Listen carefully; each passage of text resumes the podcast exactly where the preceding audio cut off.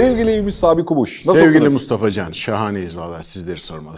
Bil mukabele. Karşılıklı. Gayet iyiyiz. Bil mukabele de nedir tam olarak emin değilim ama yerine oturuyor bence kelime olarak. Karşılıklı. Karşılıklı. İyi güzel. Doğru yerde kullanıyoruz o zaman. Hayatta uzun süreli en yüksek kalp kırıklığı yaşadığım esnaf kestanecilerdir arkadaşlar. Bugün kestane konuşacakmışız. Madem Evet. fırsatım var bu maruzatımı dile getirmek istiyorum. Hayırdır inşallah. Bir kestane ile alakalı sadece ve sadece iki beklentim var. Bir tanesi sıcak olması, ikincisi pişmiş olması. Hiçbir kestaneciden bu ikisini birden halledebilenini görmedim. Çok kalp kırıklığı yaratıyor. Kestaneyi de severim bu arada gerçekten tadını. Yolda sokakta dışarıdan satın aldığım, ritmikle satın almayı istediğim bir malzemedir. Ama yani gerçekten kavga etme sınırına kadar gidiyoruz kestanecilerle. Ne yapacağız bir problemi? Belki videonun sonunda konuşuruz. Hadi gel şu kestanelerle tanışalım. Tanışalım. Kış deyince aklımıza birçok şey geliyor. Hayvanlar, bitkiler, bizi kışı çağrıştıran birçok şey var. Ama en azından bizim topraklarımızda ki Avrupa'da, Amerika'da da yaygındır. Kış deyince hemen kestane gelmesi lazım akla gibi geliyor. E kokusuyla gerçekten evet tavlayıcı bir e, şey bitki. Kokusu, o yemenin zevki yapabilirlerse kestaneci abilerimiz oldukça dikkat çekiyor ama hani birkaç kişiyle konuştum. Kestaneyi, pişmiş kestaneyi yemenin dışında mesela kestane ağacı görmediğini iddia eden arkadaşlara rastladım. Hani dedim nasıl olur bu? Dedik bari bugün kestaneyi konuşalım hep beraber. Kestane ağacını Türkiye'de yaşayan herkes görmüş müdür? Ben gördüm biliyorum tabii ki de. Görmemesi şaşırtıcı. Şöyle şuradan başlayalım. Kestane ağacı bir familya. Yani içinde birçok tür içeriyor. Fagaceae dediğimiz bir familyanın bireylerinden bir tanesi. Türkçe isimlendirdiğimiz zaman kayıngiller diye geçiyor. Hani amcamgiller, kayıngiller o familya yani aileyi anlatıyor. Dünya üzerinde yaklaşık 16 tane türü var. Bunlardan en çok bilineni de 8 tane türü var. İşte Amerikan kestanesi, Avrupa kestanesi, Çin kestanesi, Japon kestanesi gibi yerel isimleriyle adlandırılıyor. Ama geçmişine baktığım zaman, kültürel geçmişine baktığımız zaman kestane Anadolu'nun öz varlığı, öz çocuğu. Neredeyse kestane kültürü Anadolu'da başlamış. İklimin uyduğu her yerde kestaneye ulaşmak mümkün. Ta Neolitik çağdan beri kestane Anadolu topraklarında yeniyor. Yani Neolitik çağ dediğim taş devri döneminde mağarada yaşayan abilerimiz, ablalarımız bile kestane yiyor ve onların üzerine anlatılarda bulunuyor. Bu kadar eski, kadim ve yerel olarak Anadolu'da çok yaygınlaşmış bir türü görmemek biraz Öyle ya da böyle Türkiye'de herkes bir kestane ağacını bir yerlerde görmüştür. Tabii ki. Yakından incelemediğimiz veya hiç ilgimiz olmadığı zaman hani baktığımız ağacın kestane olup olmadığını ayırt edemediğimizde kestane görmemiş sayılıyoruz. Bir de tabii kestanenin bizim elimize ulaştığı biçimiyle ağaçtaki formu birbirinden çok farklı ya. Ee, Yani. Yani, ağaçta böyle daha dikenli ve başka bir, Tabii. bir şey gibi görünüyor. Hani o yüzden de e, belki, Belki aralardaki bağlantıyı kuramıyoruz. Ya kestane ile alakalı enteresan bir durum var. Mesela cevizi. Mesela fındığı sanayi tip bir üretimde özellikle üretiyor ve sanayi tip bir üretimde ve tüketimde de kullanıyoruz. Evet. E, ve direkt karşılığı var ama mesela kestanenin böyle bir karşılığı yokmuş gibi. Daha çok ıhlamurda olduğu gibi. Doğadaki durumuna göre işte oradan faydalanıyoruz, alıyoruz. Hani birilerinin bahçesinde ya da bir yerlerde kestane ağaçları var ve onlardan e, ürün alıyor ama böyle Hani sanayi tip ben kestane ağacı ektim özellikle. İşte kestane alacağım ve onları böyle paketliyoruz, böyle yapıyoruz. Yok ya da yok denecek kadar az diye tahmin Yani ediyorum. yeni yeni başladı. Son birkaç 10 yıldır kestane plantasyonu çalışmaları yapılıyor. Özellikle Avrupa'nın orta kesimleri Anadolu, İran'a kadar hatta Japonya'ya kadar giden subtropik ılıman bölgelerde doğal yayılımı çok fazla. O yüzden doğadan toplanması veya işte kestane ormanları artık korulu ol- oluşmuş yerlerden toplanması tercih ediliyor. Bir kere uzun ömürlü bir ağaç olduğu için bunun meyve veren hale gelinceye kadar beklemesi ekonomik olarak sanayi mantığıyla çok mümkün gözükmüyor. Bu birinci koşulu. İkinci koşulu biraz da, koşul demeyeyim de ikinci yaklaşım şekli. Diğer tüm meyvelerden farklı olarak birçok meyveden farklı olarak doğadan toplandığı için plantasyonu yapılsa dahi yani suni olarak üretilmesi yapılsa dahi mesela suni gübre kullanılmıyor. İşte ilaçlama yapılmıyor. Pestisit kullanılmıyor. Birçok sanayi üretiminde kullanılan, insan sağlığına zararlı olan şeyler yapılmıyor. Kullanılmıyor onun üzerinde. O yüzden mesela organik meyve denince ilk akla gelenlerden bir tanesi. Çünkü üzerinde Hiçbir yapay bir şey yok. Yapay bir şey yok. E, Hangilerinde var? Bizim yaşadığımız habitatta yakın yaşayan ağaçlarda veya popülasyonlarda e, atmosferden kaynaklanan süprüntüler, çökelekler, şeyler olabiliyor. Ama suni olarak insan yapımı kimyasal maddelerle büyütülmediği için bir de öyle bir tercihi de var kestanede. Bir kere önce şeyi sorayım sana. Kesen niye bu kadar lezzetli? Kestane niye lezzetli? Daha önce de benzer konularda konuşmuştuk. Öncelikle kestane diye bizim yediğimiz şey bir meyvedir. Meyve herhangi bir çiçekli bitkide ovaryumdaki çekirdeğin veya işte e, yumurtaların bir polen tarafından döllenmesi sonucu oluşan zigotun etrafını kaplayan besin dokusu da oluşan şeydir meyve. Doğada meyvenin üretilme amacı aslında kestanede farklı olduğunu birazdan geleceğim. O meyvenin içindeki çekirdekleri bir yerden bir yere taşıyacak olan canlılara, hayvanlara verilen bir nevi rüşvettir. Ama mesela ceviz, fındık, kestane ağacın kendi tohumudur. O kestane çimlenerek şeyi oluşturur. Ceviz ağacını oluşturur. Fındık tanesi çimlenerek fındık ağacını oluşturur. Şimdi böyle olduğu için oradaki biriken besin içindeki gimnosperm dediğimiz büyüdüğü zaman ağacı oluşturacak olan hücre grubunun kendisi fotosentez yapıncaya kadar kullanması gereken tüm besinleri ve mineralleri içeriyor. Biz de bu işte kestane ile tanıştığımız günden bu yana tohumunu yediğimiz birçok bitki vardır biliyorsun ve onları biz evcilleştirdik. Onları kendimize yakın tuttuk. Kestane de bunlardan bir tanesi. Birçoğunu denedik. Ceviz lezzetli geldi, fındık lezzetli geldi, işte kestane lezzetli geldi Ee, ve onları öğünümüze aldık. Hatta ve hatta bir adım daha ileriye gidersek özellikle Orta Çağ Avrupa'sında kıtlık olan dönemlerde tarımın oluşması için uygun mevsimlerin olmadığı, insanların kıtlık çektiği dönemde e, yoğunluklu olarak kestane meyvesini un haline getirip kestane unu, kestane ekmeği yapmaya kadar gitmiştir. Köylü, avam halkın temel besin şeylerinden bir tanesi olmuştur kaynaklarından bir tanesi olmuştur. Bize lezzetli gelmesi biz yiyelim diye bitkinin ürettiği bir şey değil. Bizim milyonlarca tohumlu bitki içinden bizim diyetimize uygun, bizi zehirlemeyen, midemizi bulandırmayan, gelişimimizi sağlayan içinde yeterince besin veya mineral olduğunu keşfettiğimizi kendimize yakın tutmaktan kaynaklanıyor.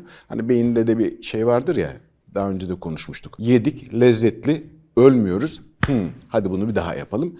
Onu etiketliyoruz. Bu lezzetli diye. Şimdi yeni yeni işte bu kestane şekeri daha tatlıya yaklaştırarak kestanenin kendisini. Kestane böyle tatlı tuz, tuzlu değildir ama tatlı ve şekerli olmayan kıvam arasındaki bir yerde durur dengeli. Ama onu daha böyle daha şekerli, çikolatalı vesaire formlarıyla beraber tüketiyoruz da. Yani o, o alana doğru genişliyormuş gibi görünüyor. Bayılırım. Son 20 yıldır özellikle Güzel bu keşiflerden bir tanesidir bu Bursa arada. yöresinde yapılan e, güzel keşiflerden bir tanesi. Türkiye'deki en çok kestane üreticisi bölge aslında Aydın'dır. Aydın tarafında muazzam miktarlarda üretilir. Bursa'da da bu sanayi haline gelmiş artık. Oranın simgesi haline gelmiş. İyi ki de gelmiş yani. Peki normalde bu videolarda sormadığım tarzda bir soru sorayım. Kestanenin iyisini ve lezzetlisini nasıl ayırt ederiz?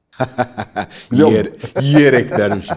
ya şimdi bizim Anadolu kestanesi dediğimiz kestane eğer türleri birbirine karıştırmıyorsan arada bir karışıklık yoksa zaten lezzetlidir. Ama burada hani sokak jargonuyla sokakta ben de kestanecilerden kestane alıp veya eve alıp yaptığımı farz edersek e, üzerindeki kabuğundaki parazit deliklerine bakmamız gerekiyor öncelikle. Eğer üzerinde bir veya birden fazla delik varsa bilin ki bir muhtemelen bir güve veya kelebek türü içine şeyleri bırakmış. Yavrularını bırakmış. Bu lezzetini de bozar, yenmesini de engeller.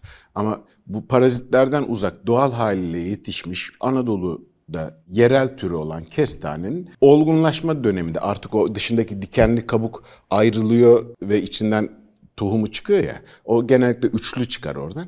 Onlar dökülmeye yakın artık ağacın onu serbest bıraktığı dönemde toplanırsa çok da lezzetlidir. Evrimsel olarak arka planını kontrol ettiğimizde kestane ağacıyla alakalı spesifik bir evrim öyküsü var mı? Ee, Yani üzerine çalışılan ağaçlardan bir tanesi. Çünkü ekonomik olarak ve kültürel olarak bizi çok etkilemiş. Fosil kayıtlarında özellikle polen kayıtlarında baktığımız zaman karbonifer çağına kadar yani günümüzden 150 milyon yıl öncesine kadar izi takip edilebiliyor. Özellikle karboniferde çiçekli bitkilerinde bir patlama şeklinde gelişmesiyle, dünyaya yayılmasıyla kestaneyi de dünya sahnesinde görmeye başlıyoruz. Karbonifer dönemi herkesin de bildiği gibi 145-150 milyon yıl önce başlayıp 66 milyon yıl öncesine kadar olan süreye diyoruz. Orada o, o döneme kadar kestanenin polenlerini ve fosillerini takip edebiliyoruz. Bu 66 milyon yıl önceki büyük değişimden sonra soyunu devam ettiren ve kıtalara yayılan coğrafi izolasyondan dolayı da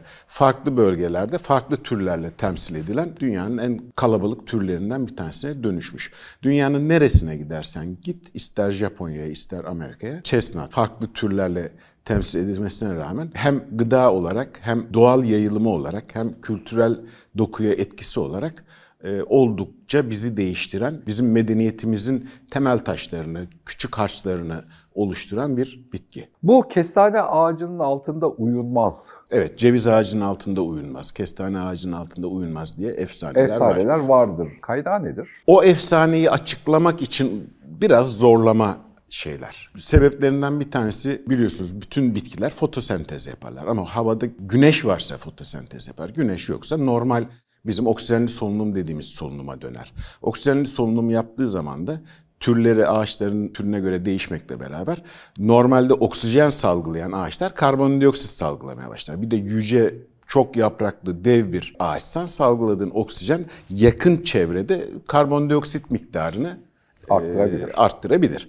Onun haricinde bazı bitkilerde özellikle ceviz gibi bitkilerde kendisini korumak için doğruluğundan çok emin değilim. Ama kendisini korumak için özellikle parazitlerden korunmak için bazı siyanürlü salgılar yaptığı iddia ediliyor. Kestane ağacında da galiba bu dikenli yapısından kaynaklı kafana gözüne diken düşebilir. Yani olabilir. Diye oluşturulan efsaneler. Yani benim kafama düşmüşlüğü var ama hani öyle ortaçağ şövalye balyozu gibi şey yapmıyor. Şaşırtıyor sadece ya ne oluyor falan diye. Onun haricinde mesela benzer bir şeyde evde bakımını üstlendiğimiz, bakımını yaptığımız salon bitkilerinde yatak odasında bulundurulmasını çok tercih etmezler.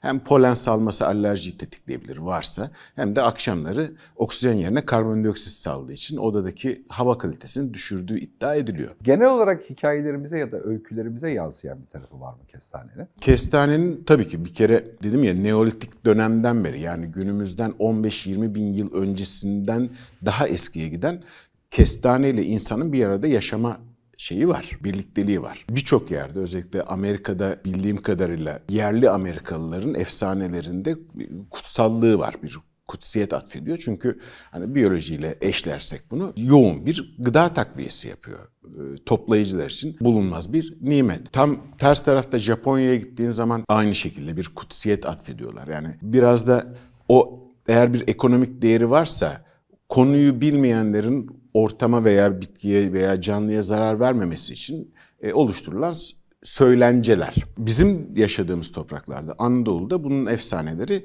e, Yunan mitolojilerine kadar geliyor. Tanrı'nın meyvesi olarak adlandırıyorlar ve e, kaynağının ilk kestanenin Olimpos'ta yani tahminimizce işte Uludağ civarlarında bir yerde e, yeryüzüne indiği söyleniyor. Hatta kestane isminin bile her millet kendine göre değiştirmiş ama e, Yunanistan yarımadasındaki bir e, şehirden Kastanya şehrinden alındığını söylüyorlar. E, başka bir deyiş bizim özellikle Kuzey Anadolu'da çok yaygındır kestane ağacı. Kastamonu ilinin ismini ağaçtan aldığını veya ağacın ismini oradan aldığını söylüyorlar. Gürcistan'da Kastanya diye bir kasaba var. İlk kestane orada keşfedilmiş, adını oradan aldığını söylüyorlar. Herkes kendine doğru bir e, şey çekiyor. Biyolojik özelliklerinden bir tanesi o da çok enteresandır. Mesela dedik ya kestane çiçekli bir bitkidir. Ama kestane ağacının üzerinde iki türlü çiçek bulunur. Bir tanesi erkek çiçek, bir tanesi dişi çiçek. Erkek çiçek genellikle dişi çiçekten önce açar böyle salkımlar halindedir. Ceviz şey kestane yapraklarının içinden böyle uzun salkımlar halinde gelir. Tabii bitkileri konuşurken üzerinde çok konuşuyoruz. Polenleme çiçeklerin döllenmesini hep böceklere atfediyoruz. Yoğunlukla da öyledir. Mesela kestanede bu ağırlıklı olarak rüzgar tarafından yapılır e, polenlenmesi. Önce E tabi mahalle sadece mahalledeki kızlarla iletişim kuruyor kendi Tabii. ya şeyi bile var. Hani ilişki kurduğu mesafe bile belli. Ölçmüşler 60 metre. Ha. 60 metreden ötesiyle şey yapmıyor, ilgilenmiyor. İlk 60 metrede olması gerekiyor. İlk erkek çiçekler açıyor. Çok güzel bir görüntüsü vardır. Yapraklarının arasından çıkan böyle uzun salkım şeklinde erkek çiçekler vardır. Dişi çiçekler erkek çiçeklerden sonra açar. Onlar daha böyle narin, daha zor görülen tiplerdedir. İçinde de yani ovaryum bölgesinde de çekirdekleri vardır. Ve çok hoş, çok güzel bir görüntüdür. Rüzgarla yayıldığı için de e, bir kestane ağacının üremesini, yayılmasını istiyorsak bunu plantasyonla... Peki bu kendi içinde döllenerek devam eden bir süreç mi? Yoksa mesela başka ağaçtan gelen başka ağaçtan gelen. Yani bu ağacın erkek yoğunlukla böyle arada tabii ki Kendi içinde de kendi içinde de oluyordur. oluyordur ama sistem rüzgarla ilk 60 metredeki diğer kestane ağaçlarıyla döllenmesi için. Anladım. Yani buradaki erkek e, polenlerini başka ağacın dişisine göndermeye çalışıyor. Başka ağaçtaki erkek polenler de bu ağacın dişisine göndermeye Tabii. çalışıyor. Karşılıklı kız alıp veriyorlar. Aynen öyle. Ama tabii ki arada mutlaka şey oluyordur. Kendi içinde. de. Kendi içinde de oluyordur. Birçok bitkide hermafroditizm, çift cinsiyetlik vardır. Daha önce de konuştuğumuz gibi. Güzelmiş. Ama şey spesifiktir yani. Başka bitkilerde de var da kestanede çok net görürsün çiçeği. Herkes onu bizim bildiğimiz anlamda çiçek zanneder. Halbuki o erkek çiçektir. Sadece erkeklerden oluşur. Yanında böyle küçük küçük narin narin dişi Sonra çiçekleri vardır. çiçek polenlerini aldıktan sonrasında döllenir. E, bizim bildiğimiz kestaneyi oluşturur. Tohumdur. Sonra o tohumu saçarak bir yerden bir yere giderek oralarda büyür. Bu e, çok uzak yerlere tohumu taşıtmak değil, kendi çevresinde yeni ağaçlar üretmekle alakalı bir çaba o zaman. Niye böyle bir çabaya girmiş onu bilmiyoruz tabii. Anladım. Ama daha Bu- bu- bu da bir ki. evrimsel Bu da bir işte. evrimsel seçim. Tabii biz insan kültürü olarak bazen karıştırıyoruz kestaneleri. E, Bağdat Caddesi'nde yürürken birçok kestane ağacı görmüşsündür.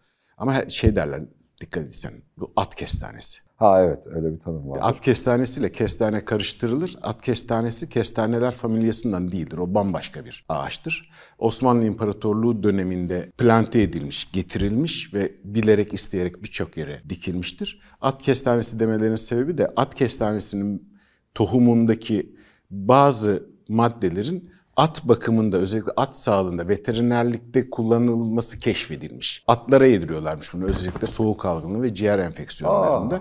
Ona iyi geliyormuş. Ha o yüzden yani O yüzden hani de- böyle iri olduğu için at gibi lan bu falan Değil. bir şey değil. Yani hani bayağı atlarda kullanılan bir şey. Tabii, Var tabii. Çok yeni bilgi. E, Hatta hani bizim konumuz değil ama e, evliya atlar vardır İstanbul'da. Belki atları bir gün konuşursak onları da anlatırız. Evliya sayılan halk arasında kimse yanlış anlamasın. Atlar vardır. Mesela İstanbul için çok değerlidir.